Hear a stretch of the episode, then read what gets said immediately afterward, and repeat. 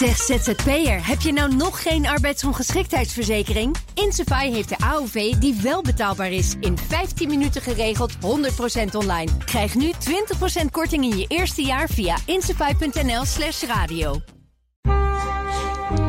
De Perestroikast. Een blik op Oost-Europa.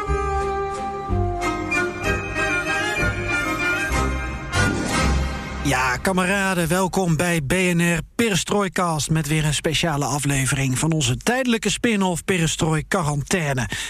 Waarin we oog hebben voor de effecten en de gevolgen van het coronavirus in en op onze regio.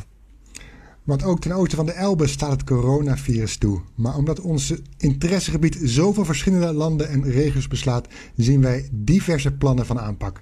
Daarom duiken we deze keer in de ontwikkelingen in een aantal kleinere landen. Met speciale aandacht voor, jawel, Georgië. Ja, dat was al langer jouw wens, Floris. Want Mhm. het viel jou op dat het in eh, Georgië relatief goed gaat met de bestrijding van het coronavirus? Zeker, dat, eh, ja, je volgt niet alleen Rusland, maar ook de landen eromheen. En eh, toen kwam Georgië als, nou winnaar wil ik niet zeggen, dat is een beetje gek, maar toch wel als, als, als goed coronabestrijder uit de bus, om het zo maar even te zeggen. Ja, en toch is de impact groot op deze Caucasus-staat. Wat dacht je bijvoorbeeld van het toerisme, dat in dat land enorm in de lift zit... en ook een enorme bijdrage levert aan de Georgische economie en werkgelegenheid? Juist, een tijd is het dus om daar eens aandacht voor te hebben. Dat doen we met Willem van Houten en Jelger Groeneveld.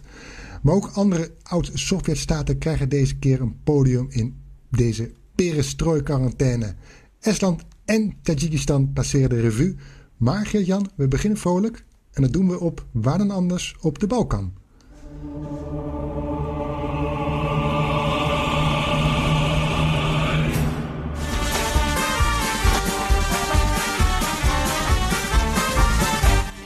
Sto pesce fino, pred Karantinov, Corona, ciao, ciao, ede, ciao, ciao, ciao. kafana, ekipa zbrana i na kukje poludime.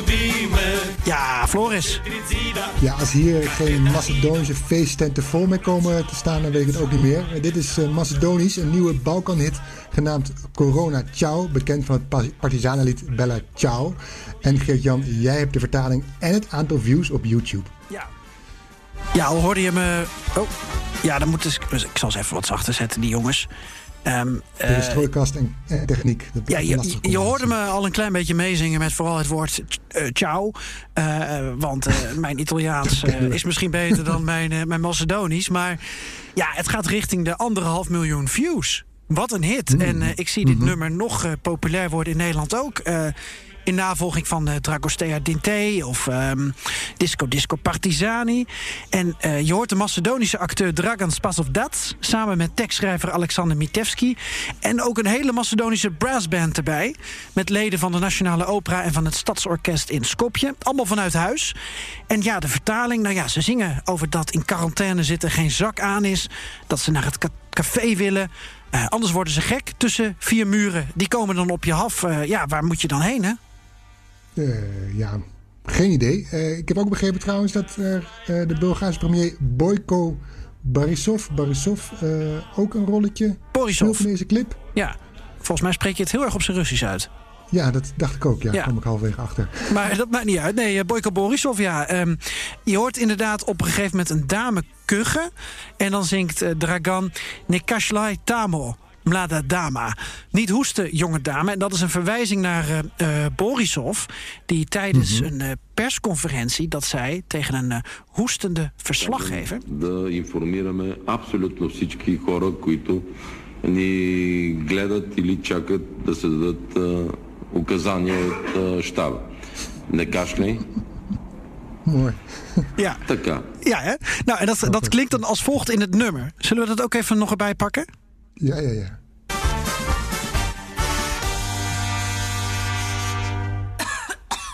neka slaj tamo, Die mlada dama. korona ciao, ajde ciao. Ja, en het leuke is, die, die Borisov... die heeft dus op zijn Facebookpagina ehm, eh, hier reclame voor gemaakt. Want eh, hij zit achter het stuur en zet dit nummer op... zit een beetje mee te klappen en te neurieën. Luister maar. En hij heeft ook nog door wanneer zijn eigen referentie erin voorkomt. Komt ie hoor. Nee, luister.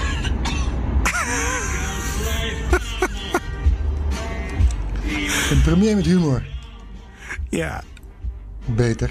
Ja. Eh, en hij, sch- hij, hij schrijft er ook nog wat eh, over op zijn Facebookpagina, toch? Ja, ehm, eh, nou ja, dat we allemaal ook een beetje humor, maar natuurlijk ook discipline nodig hebben om onze strijd tegen dat coronavirus winnend af te sluiten. En hij dankt alle Bulgaarse burgers voor het volgen van de regels, zodat ze hopelijk weer terug kunnen naar hun normale leven. Maar hij dankt ook dat en Alexander. ehm, dus eh Dragan Spasov dat en eh, Alexander Mitevski. En hij zegt ook: Noord-Macedonië kan op onze steun regelen.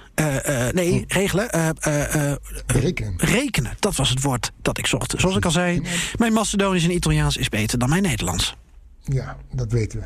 En even de harde realiteit. Hoe zijn de cijfers eigenlijk in Noord-Macedonië en Bulga- Bulgarije wat betreft het coronavirus? Ja, Noord-Macedonië 71 geregistreerde doden. Dat moet je er dan altijd bij zeggen, hoeveel meldingen er zijn. Eh, op ruim 2 miljoen inwoners. Bulgarije 7 miljoen inwoners en 61 doden. Maar het zijn allebei landen met relatief harde lockdowns. Zeker Noord-Macedonië, waar net als in Servië mensen dagenlang hun huis niet mochten verlaten. Ook niet tijdens orthodox Pasen. Gelukkig hebben ze nog muziek. Heerlijk. Ehm, zouden ze het ook hebben, zo'n nummer in Tajikistan, ehm, waar we nu even over gaan hebben? Want daar eh, hebben ze eindelijk erkend dat ze gebukt gaan onder een epidemie. Maar niet per se een corona-epidemie. Nou, dan zullen ze daar niet Corona Ciao zingen, want het is niet eens eh, Hello Corona. Eh, hoe zit dat? Nee, het is überhaupt geen corona, want dat woord, dat, dat, eh, dat coronavirus, het coronavirus bestaat niet in Tajikistan. We hebben het al eerder over een beetje over gehad, over de situatie in Centraal-Azië. Ehm, het land is in de ban van een longontsteking-epidemie. Heel veel mensen hebben daar ineens een longontsteking. Oh. Eh, de krant Asia Plus eh, citeert het gezondheidsministerie dat op 27 april aangaf dat er ne- 319 mensen in één ziekenhuis in Dushanbe lagen, allemaal met een longontsteking. Waaronder 136 zorgmedewerkers. En ook de website EurasiaNet is verteld dat in vier ziekenhuizen in de hoofdstad mensen met ademhalings, ademhalingsklachten liggen. En dat zou dus een longontsteking kunnen zijn. Of corona? Ja, maar dat zeg je dus niet in Tajikistan. Het is er niet, zegt de regering nog steeds. Aha. Ehm, maar de signalen die de regering afgeeft, die zijn, zijn, zijn die dan helemaal niet wisselend? Ja, daar moet je niet helemaal van op afgaan, inderdaad, die signalen. Eh, president Rahmon heeft gezegd dat, Taj- dat Tajikistan immuun is voor de pandemie. Eh, mensen houden daar immers hun huis netjes schoon. Maar afgelopen week zei de Zei hij dat echt? Ja, ja, dat heeft hij gezegd. Ja, ja, ja. Dat is een van de, eh, de redenen. Zijn, zijn hygiënische mensen. Maar aan de andere kant zei de president eh, afgelopen week dat er maar niet te veel aan vasten moest worden gedaan tijdens de Ramadan. Want dan zouden mensen hun immuunsysteem weer verzwa- verzwakken. Aha. En de scholen gingen ook dicht, toch? Ja, dat is ook weer een signaal. En toen was de spreekwoordelijke beer wel echt los. Scholen dicht, theaters en bioscopen gesloten. En zelfs, jawel, de voetbalcompetitie kwam stil te liggen. Nee. Ook kwam, ja, we kunnen daar ook niet meer terecht voor onze weddenschappen. Alleen Wit-Rusland blijft geloof ik nog over. Eh, ook kwam er een exportverbod op allerlei voedsel. En overal in de hoofdstad werden straten en parken ineens gedesinfecteerd. Oké, en hoe gaan de Tajiken om met deze wisselende signalen? Ja, aan de vooravond van de Ramadan was het heel rustig op straat. Terwijl normaal gesproken heel veel mensen met heel veel eten bijeenkomen. Eh, nu dus niet. Nee. Nog meer eh, verdachte op eh, opvallende zaken? Twee dingen, mijn beste Geert-Jan, vielen mij op.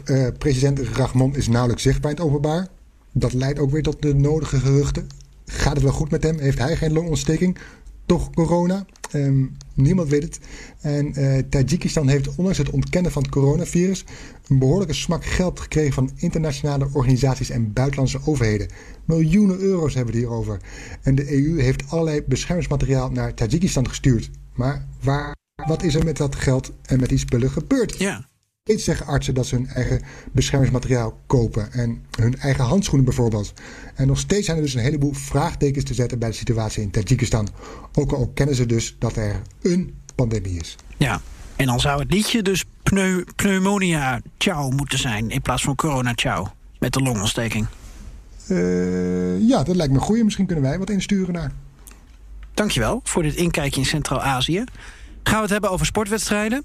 Die dus niet meer in Tajikistan worden gespeeld. Ehm, in Europa waren twee voetbalwedstrijden die gezien werden als de veroorzaker van supersnelle coronaverspreiding. Hè? De Champions League-wedstrijden Atalanta-Bergamo tegen Valencia... die werd gespeeld in Milaan. Nou, dat bleek een trigger te zijn. Atletico Madrid tegen Liverpool. Dat lijkt ook... een beruchte. ja, want de, de, de gemeenteraad van Liverpool is geloof ik ook met een aanklacht bezig. Want ja, een grote rol in verplaatsing van het virus. Maar ook in onze regio heeft een sportwedstrijd plaatsgevonden... die een coronabrandhaard heeft veroorzaakt. En zelf kwam ik daar afgelopen week pas achter. En ik vond het wel interessant om daar eens over ja, te praten met onze correspondent uh, Koen Verhelst. Het vond plaats op het Estische eiland Sarema. Prachtig eiland, wel eens geweest? Mm, wel op een van die eilanden, ik weet niet op deze. Dit, dit is het ene grootste eiland van de Oostzee. Sarema, hoofdstad Curaçao. Wacht even, ja, zo, zo, ik heb wel niet zo mijn kennis paraat als jij, wat dat betreft. Zoek even op. Doe even zo'n belletje als je het hebt gevonden. Uh, ik was in dat andere, dat eiland wat ervoor ligt. Mu, Muhu. Muhu, ja. Was Muhu, ja. Ja. Ja, toen was dat liedje van, uh, van, uh, van Nielsen een, een, een hit. en daar hadden we het hele het grapje bij en ik dacht Muhu, Muhu. Maar ik weet even niet meer hoe de originele tekst ging. Oeh, oeh, Ja, hoe zijn we hier beland? Ja. En zag ik je lopen. En ik dacht, oeh, oeh. Nou goed, doet allemaal niet de zaak. In Estland, op het eiland Sarema... Daar was het mhm. alleen niet een voetbalwedstrijd, maar een volleybalwedstrijd... die de trigger bleek te zijn. Die sport zorgde ervoor dat Sarema de corona-hotspot van Estland werd. Of niet, correspondent Koen Verhelst. Ja, je, je, noemde het al. Er was inderdaad een, eh, een volleybalwedstrijd eh, begin maart, 4, 5 maart. Twee wedstrijden zelfs van een, eh, een team uit Milaan. En ja, dat, dat vond plaats op het moment dat er in Noord-Italië natuurlijk al een behoorlijke uitbraak aan de gang was. Ook in Estland was al de eerste uh, coronageval uh, was al uh, vastgesteld op het vasteland. en toch liet ja, de burgemeester die, die evenementen nog doorgaan. En, en daar was natuurlijk veel publiek bij, want het was een behoorlijk ja, internationale competitie. Dus ja, daar, dat zijn natuurlijk ja, toch wel publiekstrekkers. En een paar dagen later, op 7 maart, was er een. Um, een champagnefestival. Sarma is een van de toeristische trekpleisters van, van Estland en organiseert allerlei festivals het hele jaar door. En het champagnefestival was op 7 maart dit jaar. Uh, en het... Uh, ja, de, de, dag daarna was natuurlijk Internationale Vrouwendag, wat uh, uh, altijd best uh, breed gevierd wordt in, in Estland. Dus dan, ja, dan zul je zien dat daarom mensen toch ook weer elkaar opzoeken. En ze gaan langs bij, bij de vrouwen die belangrijk zijn voor hen. En dan ja, heb je toch ook weer een, een nieuwe kans op besmettingen. En Koen, hoe heeft de verspreiding van het coronavirus daarna dan plaatsgevonden? Het verspreiden is uh, waarschijnlijk vooral gebeurd vanuit de, de, de teams, uh, de volleybalteams en, uh, en ook het publiek. een van de grootste verhalen van quarantaine was een, ja, eigenlijk een militaire basis op het eiland. die helemaal op slot ging, waar we 150 militairen in quarantaine moesten, omdat een van hen, een dienstplichtige, die was naar die wedstrijd gaan kijken. En die was vervolgens uh, ja, positief bevonden op, uh, op corona. Dus die, uh, die moesten met z'n allen in quarantaine. En uiteindelijk, ja, een, paar dagen na de wedstrijd, waren de eerste mensen die positief werden getest op Sarema, waren de, de manager van het Sarema volleybalteam. En een aantal spelers van het Italiaanse team die daar nog een hele tijd hebben gezeten. Uh, en vervolgens zijn er nog andere spelers bijgekomen van het eerste team. En uh, nog veel meer uh, mensen uit het publiek. Familieleden natuurlijk, maar ook vrienden, klasgenoten van, van de teamleden. dus er waren heel veel. ja, op zo'n zo wedstrijd komt natuurlijk de hele samenleving bijeen. En dan kun je dat uiteindelijk kun je daartoe vooral teruggeleiden uiteindelijk zijn dan ook weer de, juist de, de, de zorgmedewerkers. Want ja, Curaçao, de hoofdstad van Sarma, is een kleine stad. Um, het heeft ook geen heel groot ziekenhuis. Dus ja, daar uh, komt, als dan op de samenleving op zo'n plek helemaal samenkomt, dan uh, heb je daar als ziekenhuis behoorlijk wat mee te stellen. Dus die, uh, die hebben ook de nodige gevallen van corona gehad. Ze hebben zelfs nog een tijd een, een noodhospitaal voor de deur gezet. En nou, het, leidde ertoe dat uh, Sarema lange tijd van alle regio's in Estland de meeste gevallen had. Ondanks dat het eigenlijk heel dun bevolkt is. In totaal wonen er 33.000 mensen ongeveer. Ehm, en pas, pas deze maand, pas vorige week, haalde de regio rondom de hoofdstad Tallinn het, het, eiland in met het in absolute zin de meeste gevallen. Maar nog steeds is Sarema met 160 gevallen per 10.000 inwoners is het nog steeds ja, de, veruit de grootste coronaregio van Estland. Mm -hmm. Is de situatie dan nu wel onder controle? Inmiddels is het zeker uh, een beetje verbeterd. Um, er zijn de afgelopen week, sinds 22 april, zijn er eigenlijk geen, uh, geen nieuwe coronagevallen meer gemeld uh, op Sarema. Dus dat is, is positief voor hen. Uh, het uh, noodhospitaal dat bij het ziekenhuis van de hoofdstad stond, is, is ook afgebroken. Er zijn wel patiënten naar het vasteland verplaatst. Um, en nu um, ja, begint er dus op te lijken dat het langzaamaan wel wat, ja, wel wat goede, de goede kant op gaat. de lockdown op de eilanden blijft nog wel strenger. Zoals die al, hij was al strenger dan op het vasteland in Estland. Juist omdat het natuurlijk dus het epicentrum van de, van de uitbraak was. En dat blijft nog even zo tot en met uh, eh, 18 mei in elk geval. en je mag dus bijvoorbeeld nu, nu mogen er vanaf 1 mei mogen er straks voor het eerst weer mensen naar het eiland toe.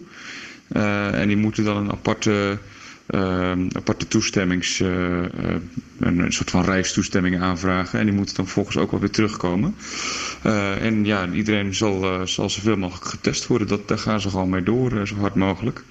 Nog even iets anders, Koen. Hier in Nederland vierden we afgelopen week Koningsdag. In Estland is deze week bekend geworden dat alle grote evenementen tot de zomer niet meer doorgaan. Dat betekent ook dat Janit Pajev geen optie meer is. De viering van Midzomernacht.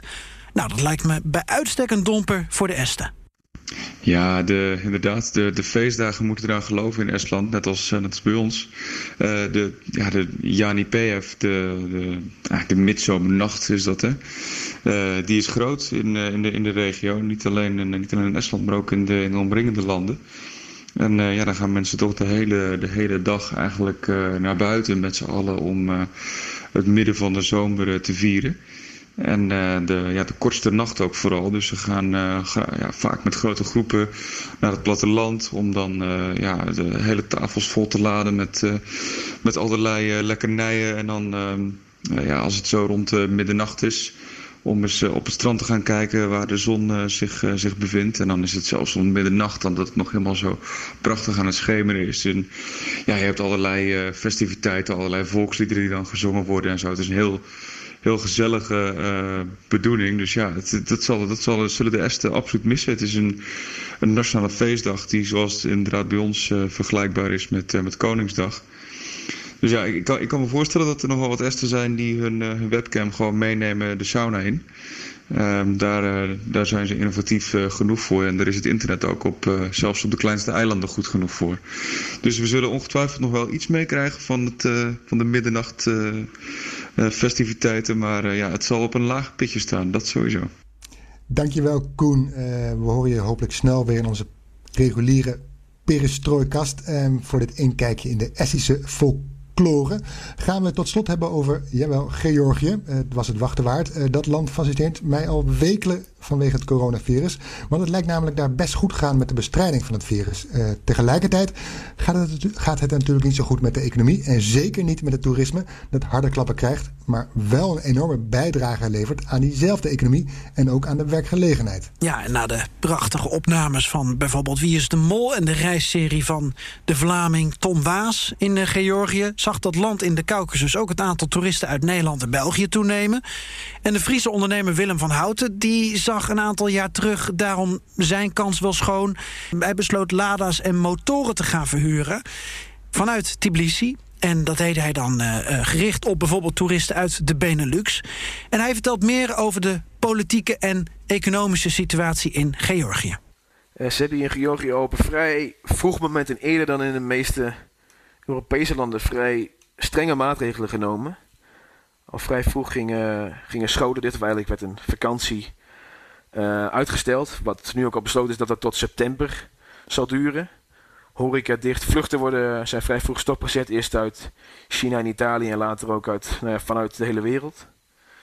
En sinds een paar weken is er ook een avondklok. En dus dat, het is verboden om tussen 9 uur s'avonds en 6 uur s ochtends je op straat te begeven. En staan ook dikke boetes op. Uh, wil je dat wel doen? De overheid heeft wel enig succes geboekt ermee, want er zijn hier nog maar een dikke 500 infecties. Wat wel opvallend was, is dat rond uh, Pasen er geen autoverkeer was. Ja, de overheid besloot om mensen niet meer rond te laten rijden. Wat wel opvallend is, want Pasen wordt hier vrij uitbundig gevierd. Met uh, veel bijeenkomsten bij kerken, mensen thuis en op kerkhoven ook. Maar ja, de overheid durfde dus niet aan om besluiten te nemen die de kerk tegen de borst stuiten. Het was wel duidelijk dat de kerk in een vrij machtige positie geniet. Maar het laat wel zien dat zelfs in dit soort crisis, waar, waarbij dit soort maatregelen toch zeker een flink effect zullen hebben, dat de overheid het niet durft om, uh, om de kerk tegen te spreken. Wat opvallend was, is dat zelfs de minister van Volksgezondheid in een interview zei dat um, het niet bewezen is, niet wetenschappelijk bewezen is, dat uh, de communielepel een infectie kan overdragen. Dat is die wel opvallend. En ik denk zelf dat die vrouw dat best weet. Dat dat natuurlijk. Dat zo'n, dat zo'n virus er niks aantrekt van een heilige communielepel of niet. Maar dat zegt wel genoeg dat zo'n vrouw het niet aan het publiek durft te zeggen. Dat uh, de kerk er mogelijk voor zal zorgen dat er heel veel infecties zullen bijkomen. Dus men verwacht hier ook wel een piek met ongeveer een week, anderhalve week vanwege, vanwege deze paasvieringen. Ja, die rol van de kerk, daar hebben we het in een in een eerdere perestrooi-quarantaine over gehad. Dat zorgt inderdaad voor lastige situaties voor overheden.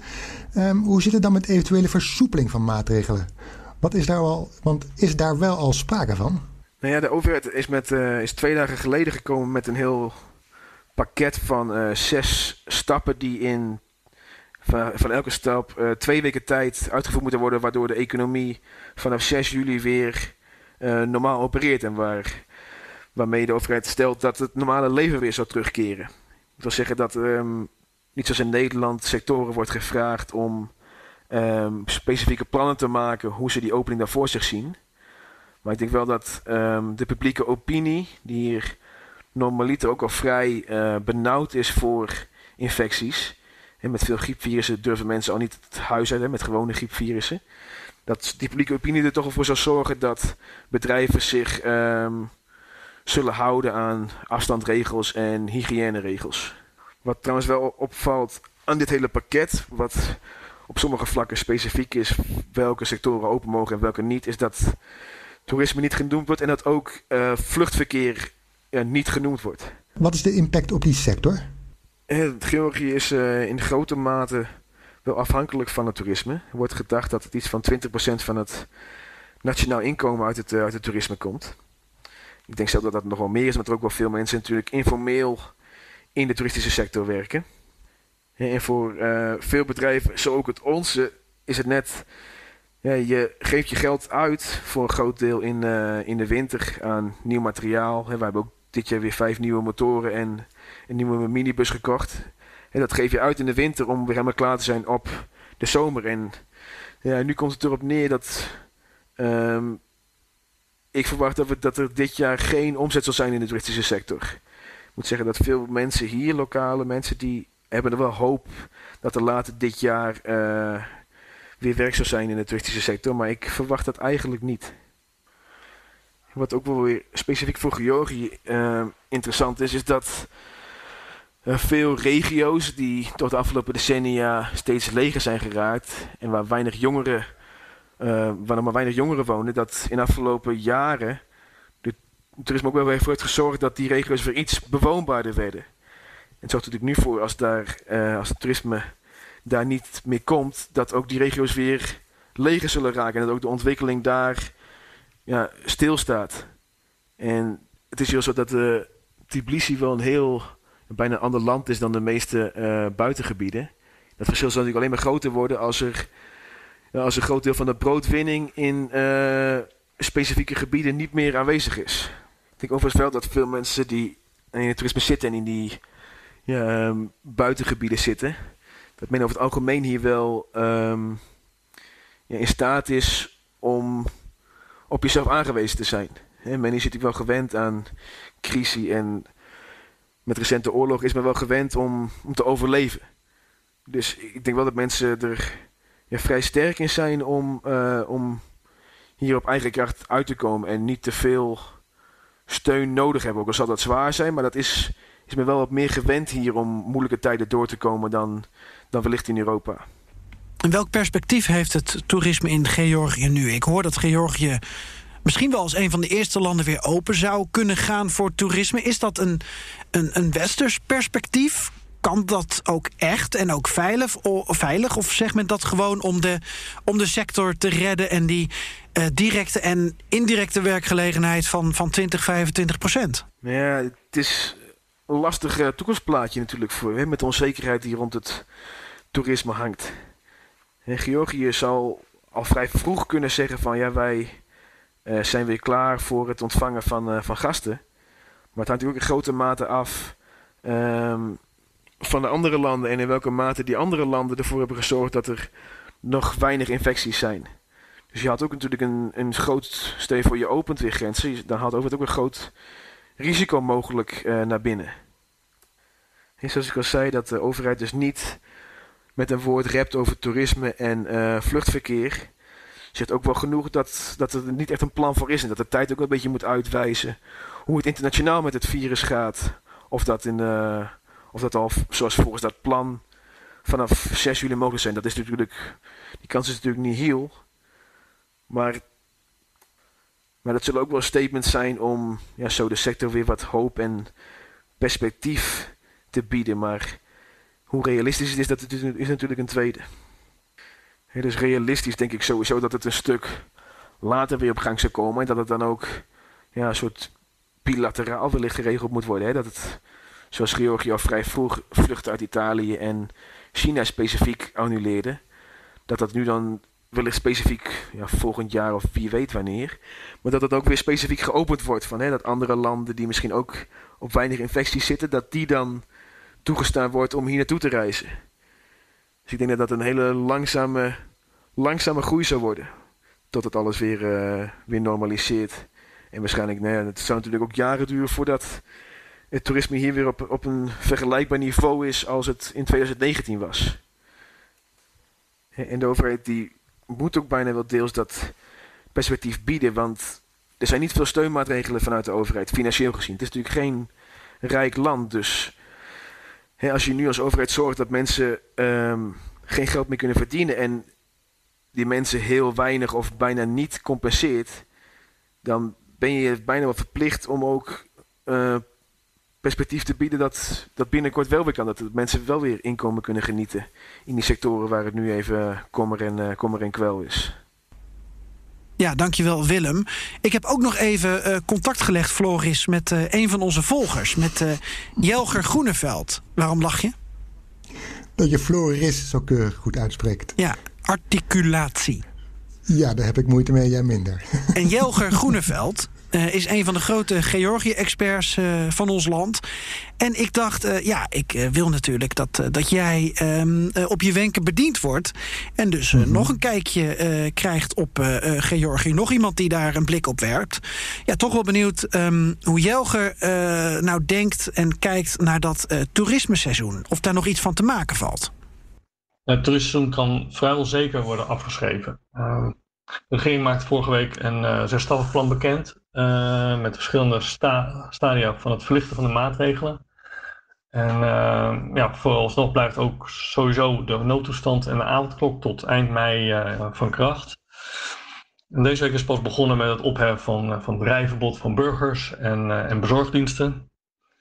En de komende maand zijn pas verlichtingen in de logistieke dienstverlening en en het openstellen van het MKB, de bouw en markten. Dus um, pas in juni uh, zijn restaurants aan de beurt um, en hotels die volgen pas in juli.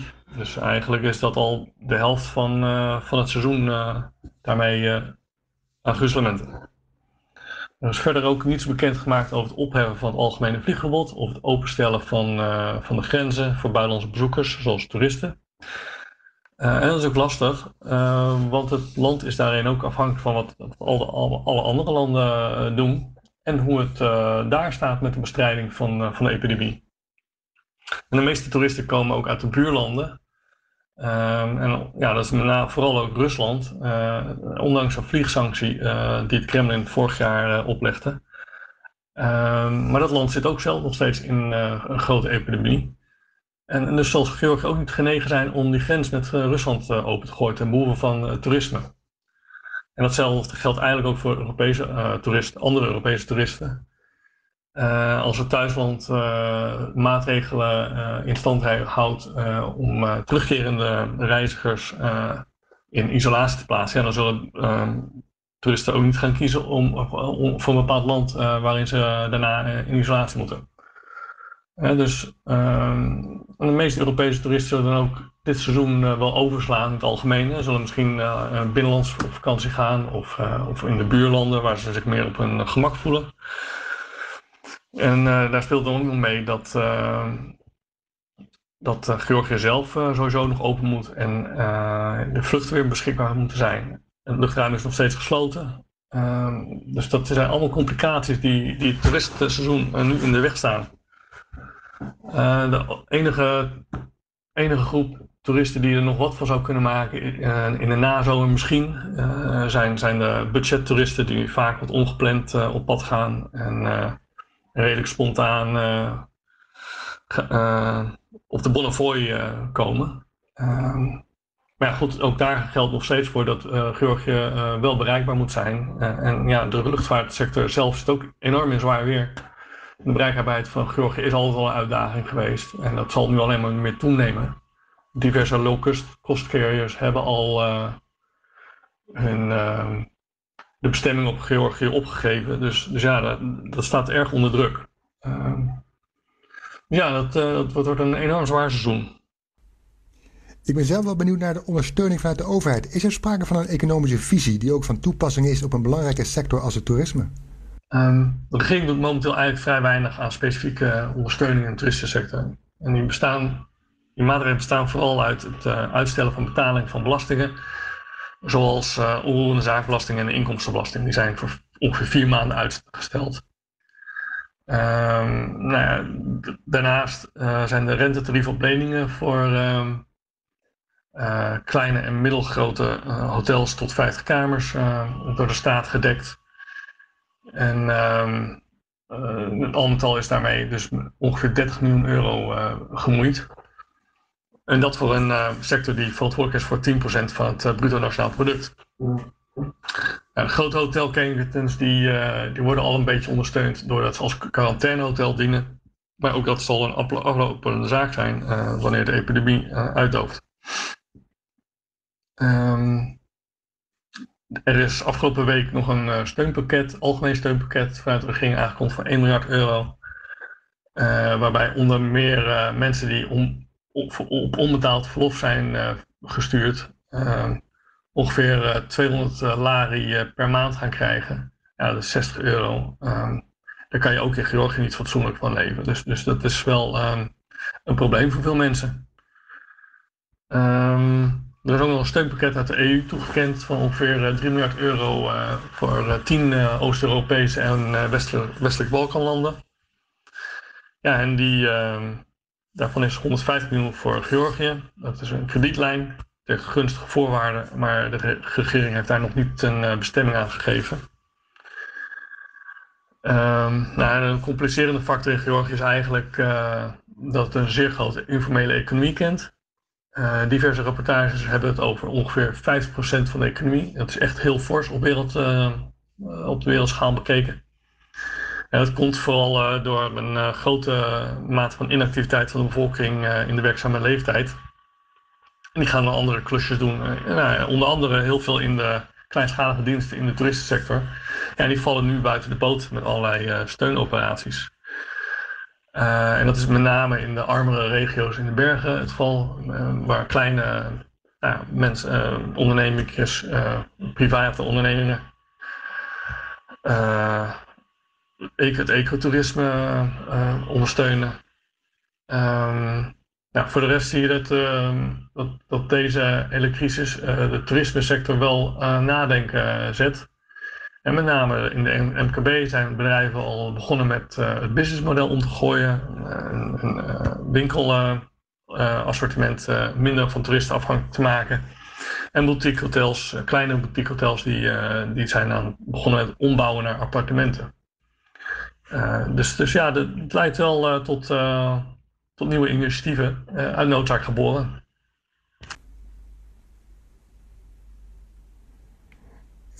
en welke partijen in Georgië willen nu eigenlijk het liefst dat de boel weer open gaat? Is dat inderdaad de toeristische sector, de horeca en andere open deursectoren, maar ook de kerk waar we het eerder met Willem over hadden? Ja, binnen de politiek zijn er wel individuen die, die grote bezittingen hebben, uh, zoals grote hotelketens, uh, en die aandringen op heropening, of die dat graag zouden willen. Maar de meeste partijen die, uh, die steunen wel de huidige koers van de regering. Dat ook, geldt ook voor, um, voor de oppositiepartijen. En dat is best wel lastig. Want het is ook een verkiezingsjaar jaar. En de regering lag eigenlijk tot deze crisis ehm, helemaal niet goed. zowel niet bij de oppositie natuurlijk, maar ook niet bij de burgers. We waren helemaal uit de gratie geraakt. Er is vorig jaar zijn er maanden aan protesten geweest. Dat sentiment is gewoon niet weg.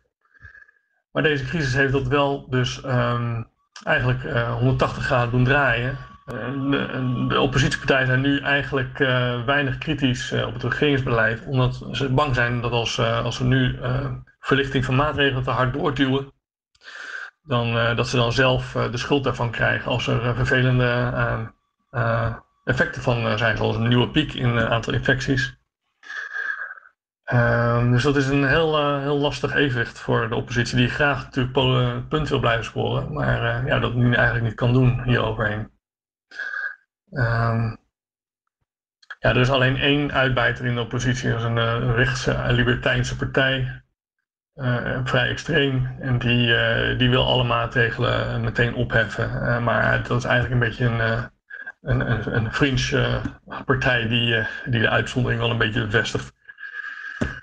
Um, ja, de kerk die onttrekt zich uh, aan allerlei maatregelen, uh, zoals samenscholing en, een, en, een, avondklok. en de regering is die confrontatie totaal niet aangegaan. Ehm, ook niet over Pasen. En dat zegt wel iets over, die, over de machtsverhouding in de maatschappij. Um, dus de kerk voelt zich dan ook frank en vrij om er om nu gewoon, uh, gewoon de gang te gaan. En die heeft er helemaal geen specifiek belang uh, bij dat, het, uh, dat allerlei maatregelen eerder verlicht zouden moeten worden. Dus, dus die houden zich gewoon op de vlak tot dat vlak. en verder is er een, in de maatschappij, maar ook in de politiek wel algemeen een acceptatie van de, van de huidige maatregelen. Dus ja, het is alleen één ding dat eruit sprong en dat is het verbod op, op het autorijden voor burgers. dat was met het orthodox paasweekend is geïntroduceerd om om, om het kerkbezoek en het, graf, uh, het, het begraafplaatsbezoek te ontmoedigen. En dat is dan met een week na, verlengd na dat weekend. En dat viel echt helemaal in verkeerde aarde. En dat is nu ook de eerste maatregel die, die deze week geschrapt is. Dankjewel, Jelgo Groeneveld. Ook nogmaals dank aan Willem van Houten. Zodra het weer kan, Geert-Jan, ja, is het onze plicht. Moeten wij echt naar Georgië gaan. En, en zo te horen kunnen ze onze steun ook wel begrijpen onze, onze plicht zelf, zeg je. Ja. Nou ja, ik ben er nog nooit geweest. Dus het is eigenlijk uh, mijn plicht om er een keer naartoe te gaan.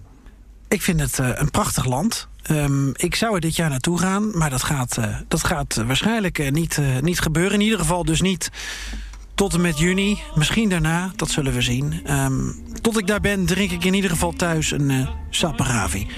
Nagvamtis. Ne kaszlej. Paka. Taka.